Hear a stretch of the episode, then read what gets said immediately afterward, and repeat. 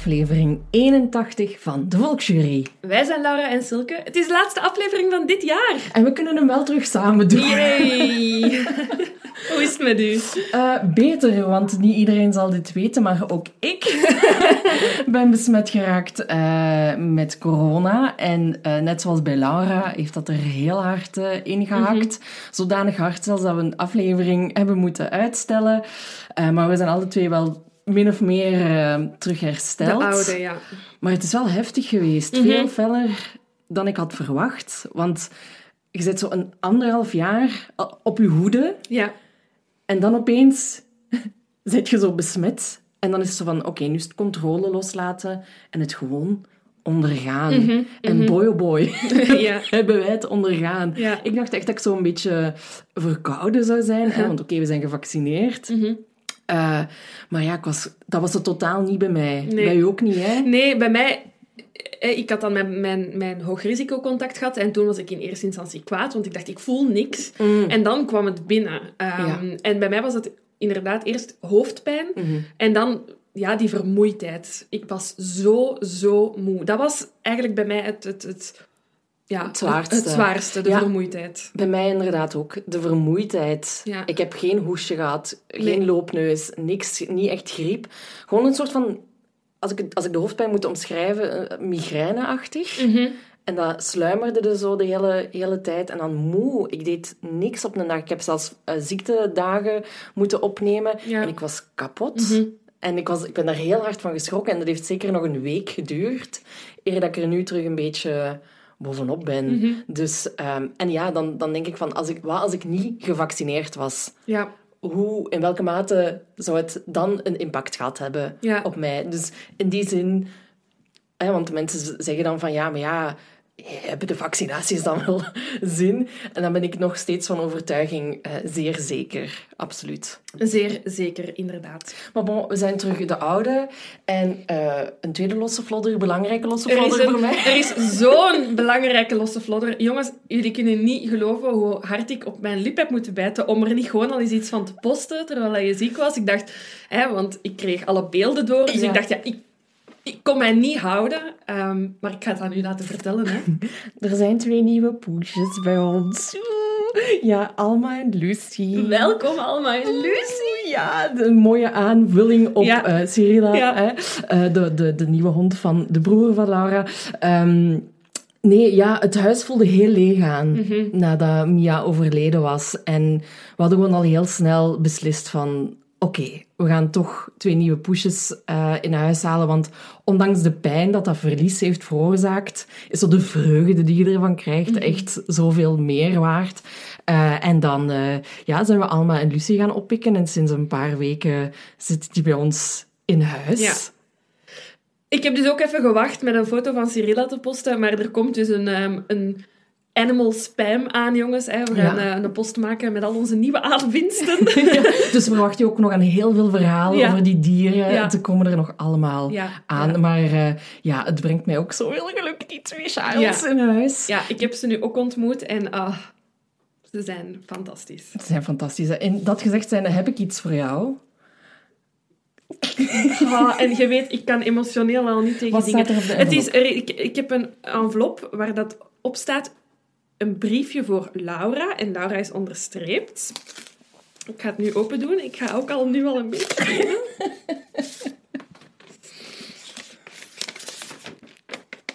Hallo Laura, ik ben Alma, een heel lief klein speelvogeltje. Terwijl mijn mama deze tekst typt, ben ik achter de letters op het scherm aan het springen. Anyway, een belangrijke vraag. Wil je een meter worden? Ja, Alma, ik wil jou een meter worden. Oh my god. Oké, voor de mensen, jullie kunnen niet meekijken, maar er is een foto van Alma. Alma is degene die het meest eh, zwart Heel is. zo- ja, ja, ja. Ze heeft een heel wit klein stipje onder haar ehm, nek. Het is zo mooi! Oké, ja, ik ga deze sowieso posten. Ja, ja, ja, ik wil beter worden. Ja, en Zalig. Lucie heeft ook haar meter. En Oh, Joost vertel. heeft blijk... Ja, eh, het meisje dat er, daar Ah, net ja, op ja, ja. bezoek was, is, is, de, is de meter van Lucie. Dus ik had tegen Pauline gezegd, niks zeggen. Gaan nog verrassen met het meterschap. En Joost heeft ook al jaren uh, een meter. Echt? En, oh uh, my voilà, god. bij deze. En Laura heeft haar taak eigenlijk onbewust al heel Ja. goed ingebracht. Want ze kwam hier en ze heeft na een half uur in Tom en Co te staan. een speeltje gekocht. Ja, ja, ik dacht vandaag van, eh, ik mag de meisjes eindelijk ontmoeten. Ik noem ze trouwens de tweeling. Ja. Ehm, dus mensen die, die wel weten wie Silke is, zijn ook zo verkeerdelijk in de gedachte dat Silke en Annick een tweeling hebben gekregen. Ehm, eh, maar het gaat wel degelijk over de poesjes. Dus ik dacht, oh ja, ik ga een cadeautje meepakken. Dus ik heb, ehm, ik heb zelf, behalve dat Baloo bij mij een jaar heeft gewoond, nooit een, een speelse poes gehad. Hè, want Baloo was een slaper. Laten we daar eerlijk over zijn. Ehm, It's a mood. ja, it, it's a mood. En, en ik heb nooit echt gespeeld met een kat. Dus ik dacht, ja, ik ga naar de Tom Co. En dat, er zal keuze zijn uit vijf dingen. Wow. Dat is waanzin. Er is een wereld voor mij opengegaan. En ik heb dan uiteindelijk gekozen voor een handschoen in heel veel kleuren. Met aan elke vinger een speeltje. Dus dat je daar zo wat kunt boven... Ja, zoals zo'n poppenspeel. Ja, ja, iets, ja, hè? ja. Dus daar heb ik voor gekozen. Oh my god. Ja, ik ga straks nog even met Alma moeten knuffelen. Ja, dat moet, dat moet. Oh, zalig. Oh, dank u wel. Als is echt in haar oogstjes de tranen aan Ah, Oké, back to business, Yes. jongens. Ehm, ja, in onze ziekte hebben we dan toch beslist om de tote bags te lanceren. Ja. We dachten, doen we dan toch wel. Ehm, ja, jullie zijn daar weer wild op gegaan. Eh, we hadden drie ontwerpen. Eh, twee van de drie zijn uitverkocht. Van de laatste zijn er... Ik heb gekeken daar straks, ik denk nog een tiental. Oké. Ehm, dus die zijn er ook bijna door. Eh, als jullie dit horen, hebben jullie nog tijd om te bestellen? Want initieel gingen we ze morgen verzenden, maar ehm, ja... Omstandigheden. omsta- ja, nee, gewoon niet Nee. onze schuld. Hè. Leverproblemen, zowel voor onze eh enveloppes eh, als voor de toads. Die zijn dus nog onderweg. Ehm, die komen eraan, maar we gaan die eh, verzenden. Hè, de 750 stuks die dat we online hebben verkocht. En ik dacht, ik zal misschien toch al een klein tipje van de sluier lichten. want er zijn er eigenlijk meer. Er zijn meer tote bags. En er komt nog een moment dit jaar dat wij die fysiek gaan verkopen. Dat zal in Antwerpen zijn. Meer ga ik niet zeggen. Dat gaan we sowieso aankondigen op de sociale media. Maar er komt nog een kans voor de mensen die de eh, ontwerpen gemist hebben, die dat al uitverkocht zijn, of die dat eh, effectief liever fysiek in een winkel ehm, de toads willen kopen. Dat komt er nog aan. Eh, hou het in de gaten. Dat zal voor kerst zijn. Dus je kan ze ook nog cadeau geven voor kerst of op je verlanglijstje laten zetten. En we gaan ze ook eh, zelf verkopen. Dus we gaan aanwezig zijn in de winkel waar ze verkocht worden. Meer ga ik niet zeggen, maar ik denk dat ik al veel heb verteld. Je hebt al heel veel verteld. Maar ik dacht, ik zeg het, hè, het is de laatste Ja, maar ja. aflevering. En ik bedoel, wanneer moet ik het anders doen? Hm, hm. Weet je gelijk. Ik heb nog ehm, twee dingen dat ik moet zeggen en nog één tip. Ja, doe Ehm, eerst de, de moed. De, eh, wat dat echt super nice is, waar ik al veel mensen voor wil bedanken, is... eh, we hebben al heel wat mailtjes gekregen met informatie over onze special. Hè. We brengen Ja. een special uit, daar starten we onze research vanaf morgen bij wijze van spreken mee. Namelijk Wie verraadde de familie Frank tijdens de Tweede Wereldoorlog? Hè. Wie heeft ervoor gezorgd dat het achterhuis is leeggehaald? We hebben al heel wat mailtjes gekregen. Eh, we hebben een uitnodiging gekregen om naar het museum te Ja. gaan. Dat gaan we ook doen. Ehm, maar dus als mensen nog tips hebben van boeken, documentaires, stuur ze door. Want eh, ja, we gaan eraan beginnen. En Het is gaan- nu de moment. het is nu de moment. Maar dus we hebben al wat mails gekregen. En die wil ik even bedanken. Ik probeer altijd te antwoorden op iedereen. eh, maar langs deze weg ook even hartelijk dank. En dan ehm, wil ik ook zeggen dat wij ehm, nog een major aankondiging gaan doen op kerstavond. Want we hebben nog een kerstcadeau voor jullie en dat gaan we vertellen op kerstavond. Maar nu ook genoeg gezegd. En ja, ik, oh, Silke moet mij altijd intomen, want ik zou jullie echt al onze plannen van volgend jaar willen vertellen, maar dat mag ik niet doen. Oké, en dan als laatste heb ik een tip. Mhm. Het, is, eh, het heeft niet echt iets met true crime te maken. Ja, dan Ehm, hoeft het niet. Ja, oké, dan niet. Eh, nee, maar ik heb heel erg genoten van het eh, boek van Aafke Romein, ehm, Ja. 7b. Het is haar tweede boek. Ik had het eerste boek niet gelezen, is dus ook niet nodig. Je kunt ook gewoon direct het tweede lezen, 7b.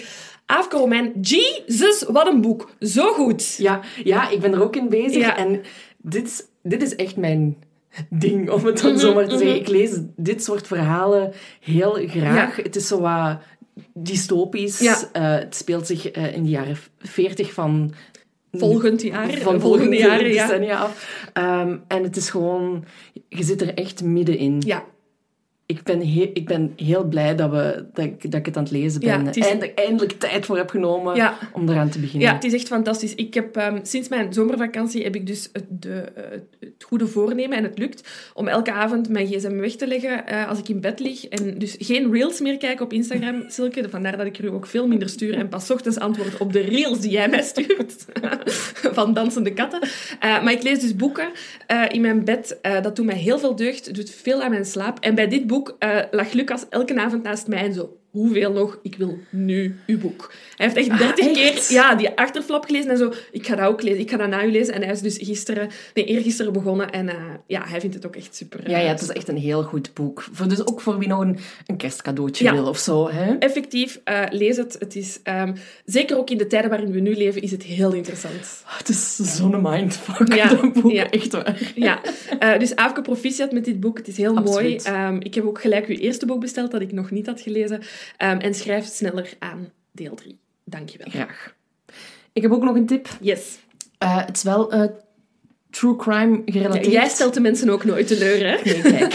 Je doet dat of je doet dat niet. Hè? Met enige flair zei ze dat.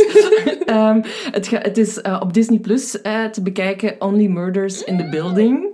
En ik heb me al zo ziek Is het. Het, is, het, het gaat dus... Even de kleine synopsis.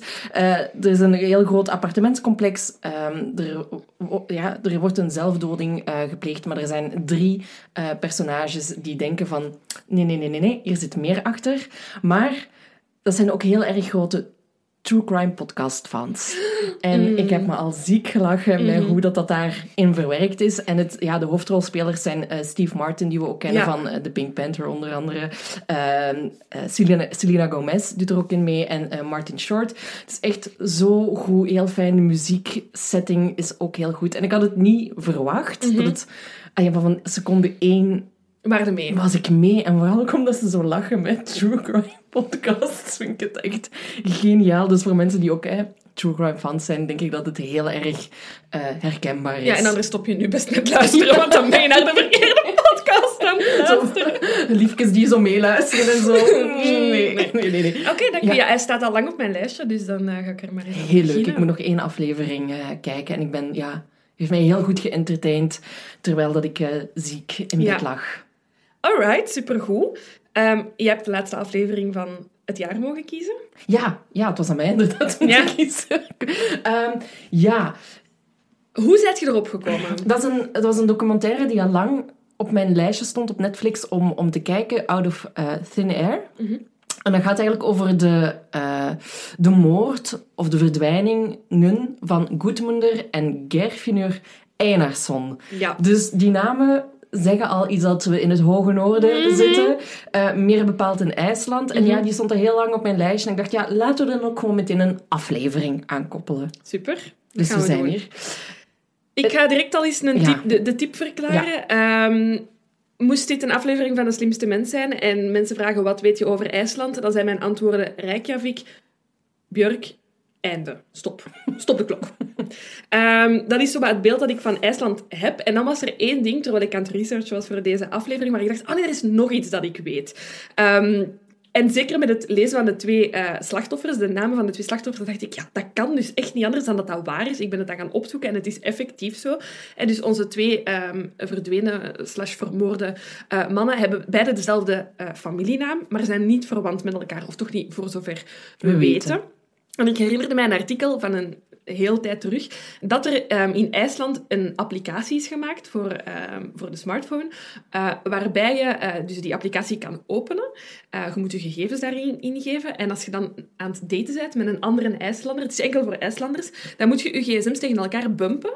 Ehm, en dan zegt hij in welke lijn die mensen met elkaar verwant zijn. Want hoe zit het? Er wonen iets van een 350.000 eh, mensen in heel IJsland. Dat is ja, heel weinig. Dat is een groot dorp, een grote stad bij wijze van spreken. In Brussel wonen een miljoen mensen. Dus dat is heel weinig over heel dat land. En ehm, wat blijkt dat 93% van heel IJsland ehm 100% IJsland is. Dus dat die sowieso ergens in elkaar vervlochten zitten. En om eigenlijk incest tegen te gaan, ehm, ja, en genetische afwijkingen eruit te halen, want als jij met een achternicht, bij wijze van spreken, een relatie begint, is dat niet supergoed voor je genetische stamboom, is die applicatie ontwikkeld. Ehm, en dat is dus ook gelijk de tip die we hebben gegeven, een foto van de applicatie, zodat je niet met je zus in bed belandt. Dat geeft toch een heel andere betekenis als zo je relatie gedaan is en je zegt dan, zitten nog genoeg vissen in de zee? Niet waar, hè? Niet waar, niet waar. Je moet bijna internationaal gaan. Wauw. Gek, hè? Ja, ik, had er, ik wist dat die inderdaad met weinig waren, maar wat daar dan de gevolgen van Mhm. Ja. zijn... dat is wel echt... Ik stuurde ook, toen jij naar mij stuurde, heb ik naar Laura geantwoord, dit is zo fucked up. Ja. Maar goed, we zitten dus in IJsland. Ja, we zitten in IJsland. Voor de rest ja, ziet er een prachtig land uit. Hè. Het staat Ja. hoog op mijn lijst, maar ik denk dat het heel duur is om het te, te bezoeken. Ik wil ook heel graag eh, Maar eens het ziet, ja, het ziet er echt prachtig uit. Ehm, dus los van de incest denk ik dat het wel een fijne beleving kan zijn. We laten iets weten als we effectief geweest Ja. zijn. Ehm, maar wat ik nog wil zeggen over, de, over deze aflevering, of over deze zaak, is dat het heel erg eh, ingewikkeld is. Ja. We zitten met IJslandse namen, we zitten met twee slachtoffers. Ehm, er passeert heel veel, dus eh, goed uw aandacht erbij houden. Wij Ja. proberen het ook zo goed als kan, jullie kennen ons, het Ja. uit te leggen. En we zullen wel zien waar dat we Ja. weer uitkomen. Een laatste ding wat ik nog wil zeggen is, ik had heel harde Bende van Eiffel vibes. Ik weet niet waarom. Hmm. Het speelt zich ja, in de jaren zeventig af, dus, en, en dan... Ja, ik weet het niet. Ik voelde zo wat de donkere Donkere, krachten ja. van, van onschuld en dan... Ja, ik vond... het- Ja, ik weet niet. Ik heb heel veel aan de Bende van Eiffel moeten denken. Oké, Voilà, dat wou ik nog even zeggen. prima. De lijst heeft hier niks mee te maken. Let's go. Eh, Oké, we gaan ehm, beginnen met de eerste verdwijning. Ja. Dat is die van Goedmunder Einarsson. ja. Eenmaal dat we de namen hebben gezegd, gaan we eh, ons focussen op voornamen. Ja, trouwens, absoluut.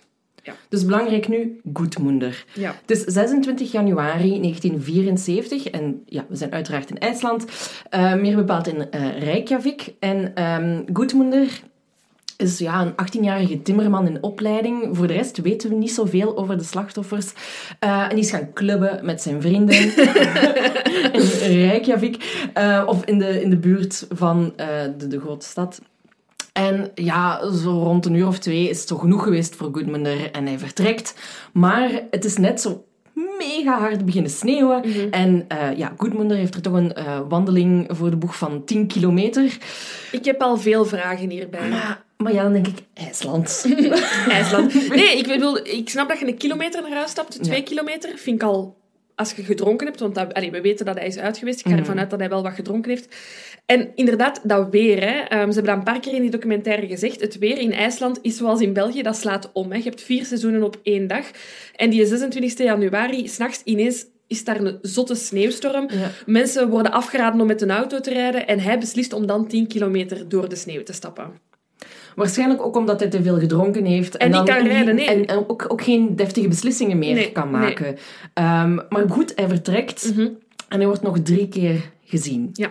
Ehm, hij wordt nog eh, gespot eh, met een andere man op het moment dat hij probeert te liften. Hij heeft dan toch tot de realisatie gekomen van misschien is dit toch geen goed idee om hier 10 kilometer te wandelen. Eh, en er stopt een auto waar twee vrouwen in zitten. Maar de man die bij Goedmunder is, die gedraagt zich nogal vreemd en waarschijnlijk ook te, te dronken eigenlijk. Ja. Dus die twee vrouwen hebben zoiets van... Gaan we niet doen. Goeie call op zich. Goeie call. Het had Ehm, een ander verhaal geweest. Het- inderdaad. Die eh, maken zich uit de voeten. Eh, en dan is er nog een motorrijder die hem spot, samen ook nog steeds met die andere man. Maar hij stopt niet. Ja, is ook een motorrijder, dus veel plek heeft die mens niet. En dan wordt hij nog eens eh, gespot een tijdje later door opnieuw een motorrijder. Ehm, en hij is alleen op dat moment, Goedmunder. Maar die motorrijder zegt ook, ja, heel raar, die viel zowat voor mijn motor. Ja. Ik had hem bijna overreden. Maar die motorrijder denkt dan niet van... Ik zal een keer zien hoe dat met hem gaat. Die is ook gewoon verder gereden. Minding his own business. Ja, het is ook een sneeuwstorm. Ik snap ook wel, je wilt warm met je chocomel thuis zitten. Zo om de vier uur s'nachts nog even een chocomel drinken. Ik zou dat overwegen. Ik snap het, ik snap het. Maar bon, anyway, dat is de laatste keer dat Goodmunder gezien werd. Ja. En de politie zegt van ja, niet zo zorgwekkend. Het is heel normaal dat er mensen blijkbaar verdwijnen in IJsland. Ehm, wat ook echt waar is, want er zijn al ja, decennia voorbij gegaan. eh, en dat er in, in IJsland eigenlijk wel vaak mensen verdwijnen zonder dat er iets gevonden wordt of dat die persoon teruggevonden wordt. En er staat van, they just sort of disappear. Ja, ik heb een, kleine, ehm, een, een klein eh, cijfertje dat ik dacht dat, Ja. dat wel interessant is om eh, te laten weten. Want ik was wel verbaasd inderdaad toen ik hoorde van ja, er verdwijnen wel af en toe mensen. Ehm, maar dat is dan inderdaad nooit met kwade opzet. Hè. Op het moment, eh, dus in de jaren 70, wonen er 220.000 mensen in IJsland. En crime was echt niet gekend.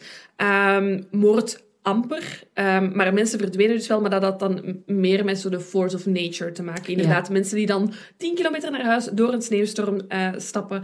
Ehm, IJsland is ja een natuur, is één groot natuurpark in mijn hoofd. Ehm, mensen die ja van de weg afdwalen en in de natuur terechtkomen en op die manier verdwijnen. Maar kwaad opzet wordt er eigenlijk nooit aan gelinkt. En crime in het algemeen is bijna niet van toepassing. Dus in Sowieso eerste, niet in IJsland. Nee, voilà. Dus in eerste instantie, als er iemand verdwijnt na een nachtje uit, denken ze, ja, die is gewoon slecht gevallen en die ligt ergens in een lavastroom, zee, bos, Onderkoeld. onderkoeld. Want dat is Ja. uiteindelijk ook wat dat ze denken. Hè. Er wordt op zich dan nog wel een zoektocht georganiseerd, een paar dagen lang. Maar ja, ze denken inderdaad van ja, die is gewoon gestorven aan, aan onderkoeling. Nu, een andere interessante theorie is eh, dat ze zeggen dat Gudmundur is verdwenen door de huldevolk. Dat zijn mythische elfen die onder de lavavelden wonen. Hè. Dus IJsland is één grote vulkaan, bij wijze van En dit spreken. is het einde van deze aflevering. En die elfen hebben hem onder de lavavelden getrokken. Tot volgend jaar! Oh, moeilijke research. Dus inderdaad, zoals Laura zegt, Goodmunner werd een statistiek, een cijfer Ja. in de, in de Ja. statistiek. Ehm, en zijn naam zou eigenlijk gewoon verdwenen zijn, was het niet voor het feit dat er tien maanden later opnieuw een man verdwijnt. Ja. We zijn 19 november 1974 en Geir Finur Einarsson, dus Geir Finur vanaf nu. Ehm, familienaam weten we dus niet of dat ze een link zijn, maar we denken van niet, of het is toch nog nergens aangehaald. Dus Geir Finur is een 32-jarige, ehm, ja, ook niet timmerman, maar ja, iemand die in de bouw, ja, in de bouw werkt. Ehm, en hier staat, heb ik er nog eens opgeschreven, zij zijn niet Dat related. is exact ook zo opgeschreven. Ja, die is thuis en die krijgt eh, op de huistelefoon een, een, een belletje van iemand. en zegt tegen zijn zoon van, ik moet even eh, weg, be right back. Eh, springt in zijn wagen en hij rijdt naar de haven ehm, van Keflavik ehm, naar een café. Ehm, hij laat eh, de sleutels van zijn wagen... Of hij laat de motor van zijn wagen eigenlijk draaien. Dus hij laat de sleutels in het stopcontact zitten.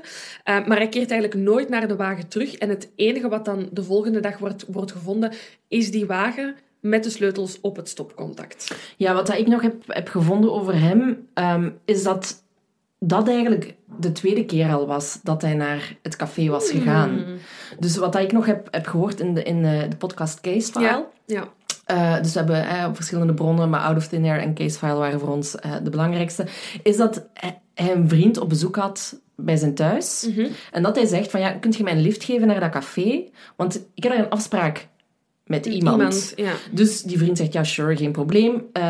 Ze gaan daar naartoe en onderweg zegt Gerf... Oh, ik, moet Ja. kijken naar die naam. Zegt Gerfiner ehm, niet met wie dat hij heeft afgesproken, maar hij zegt wel, ja, het is wel beter dat je een wapen mee hebt. En die vriend van hem zegt, ja, het zal wel om te lachen zijn, hè, Ja. whatever. Dus ze gaan dat café binnen, maar Gerfiner ziet daar niet wie, dat, Wie hij zoekt, wie ja. hij zoekt en hij keert terug naar huis. En dan, als hij eenmaal thuis is, krijgt hij dat telefoontje, Telefoontje, van, dude, waar zitten? En hij zegt van, ja, maar ik ben net Ah daar geweest.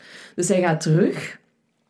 En dan is het inderdaad de laatste keer dat ze hem gezien zouden hebben, was in een of andere ehm, eh, ja, nachtwinkel. Ja. ehm, waar dat, ja, de, de, de beheerder, de winkeluitbater, zei van ja, normaal gezien babbelde die altijd wel even met mij en zo. En nu was, leek hij heel erg gehaast. Gehaast, ja. Dus die is ook echt out of thin air. Mhm. Vandaar de titel ehm, verdwenen. Ja. De IJslandse politie springt ook op deze zaak. En zonder enige aanleiding eigenlijk ehm, linken ze de twee zaken onmiddellijk aan elkaar. Ehm, er is heel veel ehm, ja, ophef over eigenlijk in de media. De zaken komen in het nieuws. En er is een grote druk voor de politie om de zaken op te lossen. Maar er is eigenlijk geen aanleiding waarom de politie de zaken aan elkaar zou linken. Maar in die eerste uh, weken na de uh, tweede verdwijning spreken zij al van een dubbele moord. Terwijl er eigenlijk geen ja, er, er, is, er zijn geen getuigen, er zijn geen lichamen, er is geen aanleiding, maar toch heeft de politie van mm, het een heeft iets met het andere te maken. Ja, wat dat ze wel ook proberen te doen, is al proberen te vinden wie dat hem gebeld heeft in het café mhm. hè, in, in, aan de haven.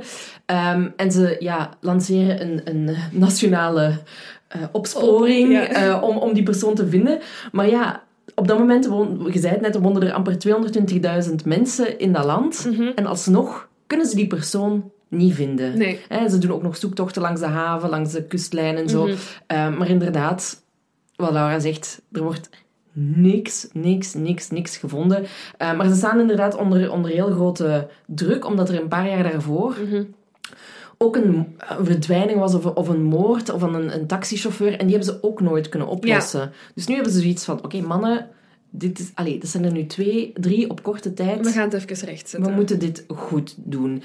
Maar bon, ja, die onderzoeken zijn op zich ja, die, die lopen dood. Hè. Maar ja, er zijn geen getuigen. Hè. Je hebt een paar mensen die dan onze eerste uh, man hebben gezien. Uh, van de tweede man weten we inderdaad dat hem naar dat café is gegaan. Maar voor de rest weten we ook niet veel. En er duiken geen lichamen op. Hè. Dus je kunt eigenlijk ook niet met zekerheid zeggen dat ze wel effectief vermoord zijn. Maar wat er wel opduikt, ja. zijn conspiracy Oh, ja. Maar hoe zou je zelf zijn? Mid jaren zeventig, er gebeurt nooit iets in uw land. Ja, grijp je kans. Hè? Dus de, inderdaad, de geruchtenmolen draait op volle toeren. Yes, en zo komt er dan opeens een gerucht eh, tot bij de politie van zo'n een, een kruimeldief, een, een kleine drugsdealer, um, die genaamd Saivar Shishilski, mhm. vanaf nu gewoon Saivar, die mogelijk wel iets zou weten over de verdwijningen van de twee slachtoffers. Ja. Ik, ik zie dat zo voor mij. Dus je hebt 220.000 mensen, dat is niks. Dat is echt niks, hè? 220.000 mensen. En iedereen van wie dat je dan weet dat het een bekken scheef is, hè, die inderdaad een keer van wie dat je weet dat hij een keer een joint heeft gerookt, die heeft er sowieso iets mee te maken. En wat dat ook belangrijk is, Saivar Shilski is volgens mij niet 100% IJslands. Nee, nee, nee, want ik heb, um, in de documentaire ziet je die foto's um, en ik heb het opgezocht. Hè. Zijn mama is een volle IJslandse, um, maar uh, zijn papa heeft uh, Slavische roots. Ja, voilà. Dus dat is ook al niet te vertrouwen volgens die IJslandse kijk, kijk. politie. Toen was, er, toen was er al een probleem met de vreemden. Ja, ja, uh, ja Maar inderdaad, dat heeft hem waarschijnlijk extra verdacht gemaakt dat hij toch wel geen vol IJslands... Dat hij niet tot die 93% nee. behoort dat vol IJslands is. en hij wordt dus 13 maanden nadat uh, Gerfinur is verdwenen. Dus toch ook nog een, een dik jaar later pas. Sorry, voor mij is dat de eerste red flag. Hè? Dus uh, de laatste verdwijning, daar telde meer dan een jaar bij. En dan gaat je je eerste verdachten oppakken. Dan zijn echt voor mij als politie desperate. Ja. Wow, sorry. Ik het al even mee. en uh, Saivar wordt samen met zijn 20-jarige Erla, uh, vriendin Erla Bola Dottir... Goeie naam, ook altijd die Dottir en die Son Anyway, Erna en uh, Saivar worden uh, gearresteerd. En ze, ze worden gearresteerd op basis van dat ze fraude hebben gepleegd. Ja. Uh, met, ja, met, met postzendingen. Ik weet niet hoe dat... Ja, het is, ik heb het even uitgedokterd. Dus Erla is... Um, ja, een jong meisje, een jong meisje, 20 jaar, dat is nog vrij jong. Um, en zij werkt inderdaad in een soort van telefoondienst waarbij dat mensen uh, geld kunnen verzenden. Een beetje dat je nu gewoon een storting maakt, digitaal, mm kun je eigenlijk via het postkantoor um, zeggen van uh, hier, deze 20 euro wil ik dat in het postkantoor komt waar Silke ja. um, het geld kan gaan afhalen. Um, en Erla bedient eigenlijk de telefoondienst die dat, dat zo wat overviewt. En zij ziet daar een, een soort van hiaat in en ze, ze vertelt het dan tegen Cypher, haar vriend, van ja, eigenlijk kun je gewoon makkelijk bellen dat je geld gaat uh, gaan afgeven, maar voordat je het gaat afgeven, kan die persoon het al gaan collecten in het andere zo, een postkantoor. Ja, en, dus, ja, ja. dus, en, en wat ze eigenlijk doen is, Erla belt. Het is echt heel knullig, hè.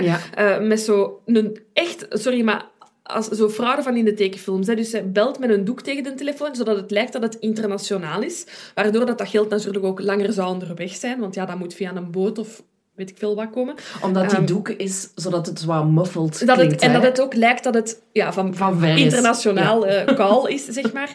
En na die call gaat zij dan naar het postkantoor waar dat het geld naartoe zou verzonden worden. En zij int dat geld al voordat dat naartoe Oké, komt. nu is het mij duidelijk, want ik snapte niet Ja. de link per Ja. se. Ja, ja, ja. ja. En zij werkt eigenlijk aan die telefooncentrale dat die telefoons aanneemt. Dus zij zegt, ja, ik heb gewoon al geweten... Allee, dit verzin ik erbij, maar dat is wat ik in mijn hoofd ervan heb gemaakt. Ik weet dat van zodra dat ik zeg dat, die, dat dat geld eraan komt, dat ze dat klaarleggen, terwijl dat geld Ja. eigenlijk effectief nog niet is aangekomen. Dus wat doen ze? Ze bellen, ze zeggen, ik ga geld versturen en ze gaan dat geld collecten voor het eigenlijk aankomt. Maar Yes. uiteraard komt het uit. En dat is de aanleiding dat ze worden gearresteerd. Even een kleine bio over eh Saivar en Erla. Zeker. Want dat is ook een goed origin story. Heel goed. Echt, eh, Avengers, Marvel, take note. Dus Erla en Saivar, eh, die hebben elkaar eigenlijk toevallig leren kennen op een feestje in 1973. We zijn mid-70s. Ja. Ehm, dus dat is een jaar voor de verdwijningen. En ze waren daar op een feestje, goede vibes en alles. En ze drinken daar, allee, ze hebben, krijgen daar een drankje. En ehm, Ze kennen elkaar niet. ze kennen elkaar nog niet hè, op dat moment. eh, maar ze hebben alle twee een drankje gekregen waar blijkbaar LSD in zat. Ja, dus Erla zegt in die documentaire, dat is wel... ehm, eh, de documentaire is interessant omdat Erla er zelf in zit. Hè, Ja. In eh, huidige vorm, zeg maar.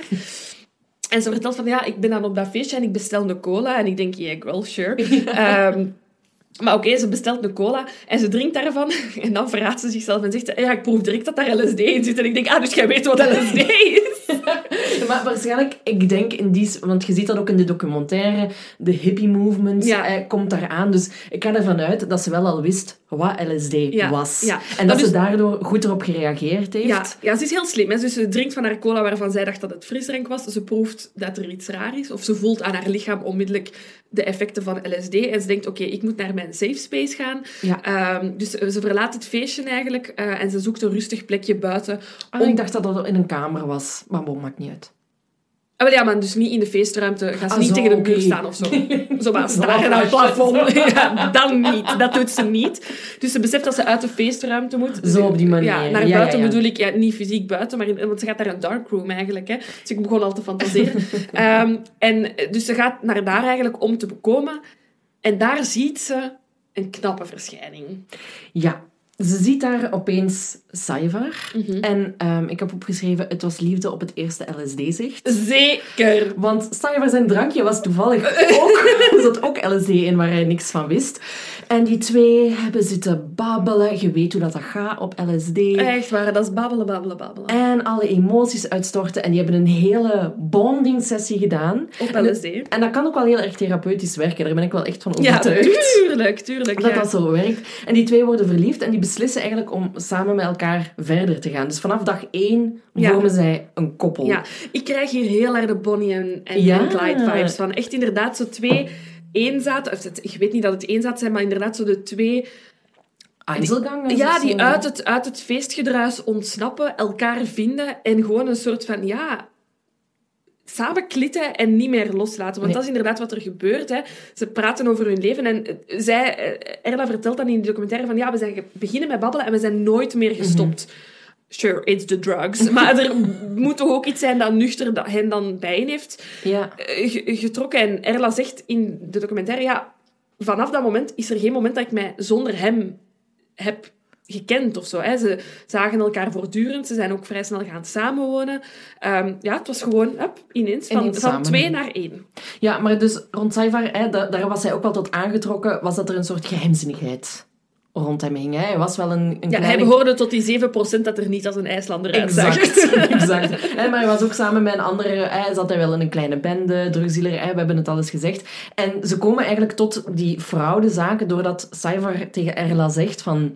Kijk, mijn grote droom is om eens iets te doen, iets crimineel te doen, waarvoor ik niet gepakt zal worden.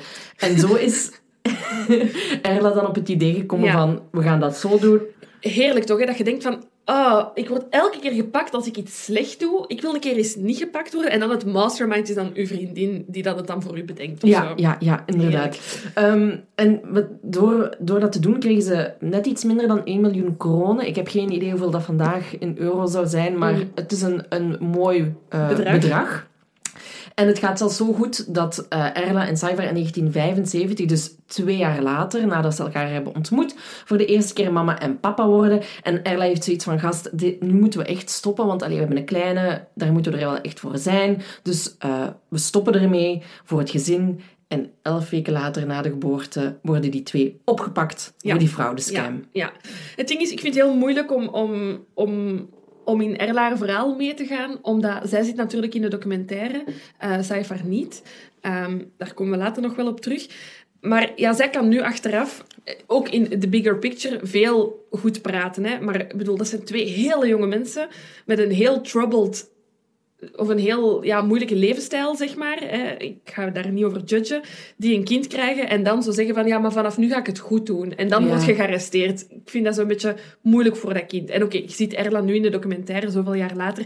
Het is allemaal wel goed gekomen. Um, maar zo uw kind gebruiken als excuus van en nu ga ik het goed doen. Ja, nee, maak gewoon geen kind dan. Of zo.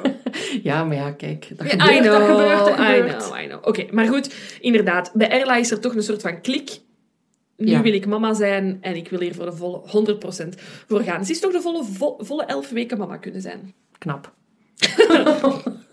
Goeie vooruitzichten. Meer dan dat ik het al ik heb ooit zo op een, op een vrijgezellen deze zomer um, waren er al een paar die, die al, al mama waren geworden. Um, en eentje vertelde daarover, en ik, het is zo herkenbaar, uh, die vertelde van elke week dacht ik, voilà, het is een week dat ik het, niet, het kind niet heb vermoord. Hè. Oh, nog een week gepasseerd, het kind leeft nog. Dat is echt een, een vibe, een gevoel dat ik ook zou hebben, zo van, het leeft. Maar ik heb dat al mijn katten, ja?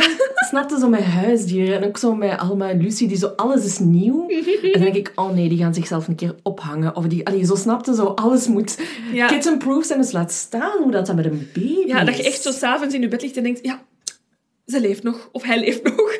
Oh, hebben we goed gedaan vandaag. Ja, high five. Hopelijk wordt hij wakker morgen.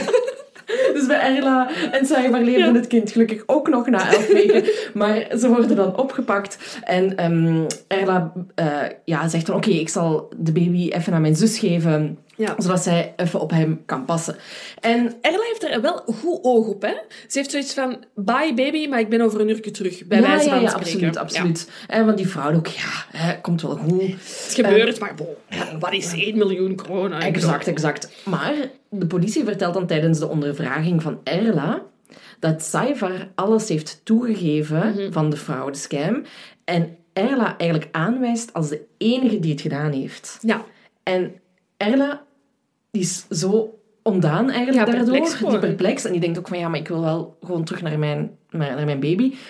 Die zegt van ja, die geeft onmiddellijk toe dat ze samen met Saivar die fraude heeft gepleegd. Hè. Ja. Ze wil gewoon zo snel mogelijk terug naar huis, naar haar dochter. Dus ze werkt mee. En ze zegt van oké, afgerond.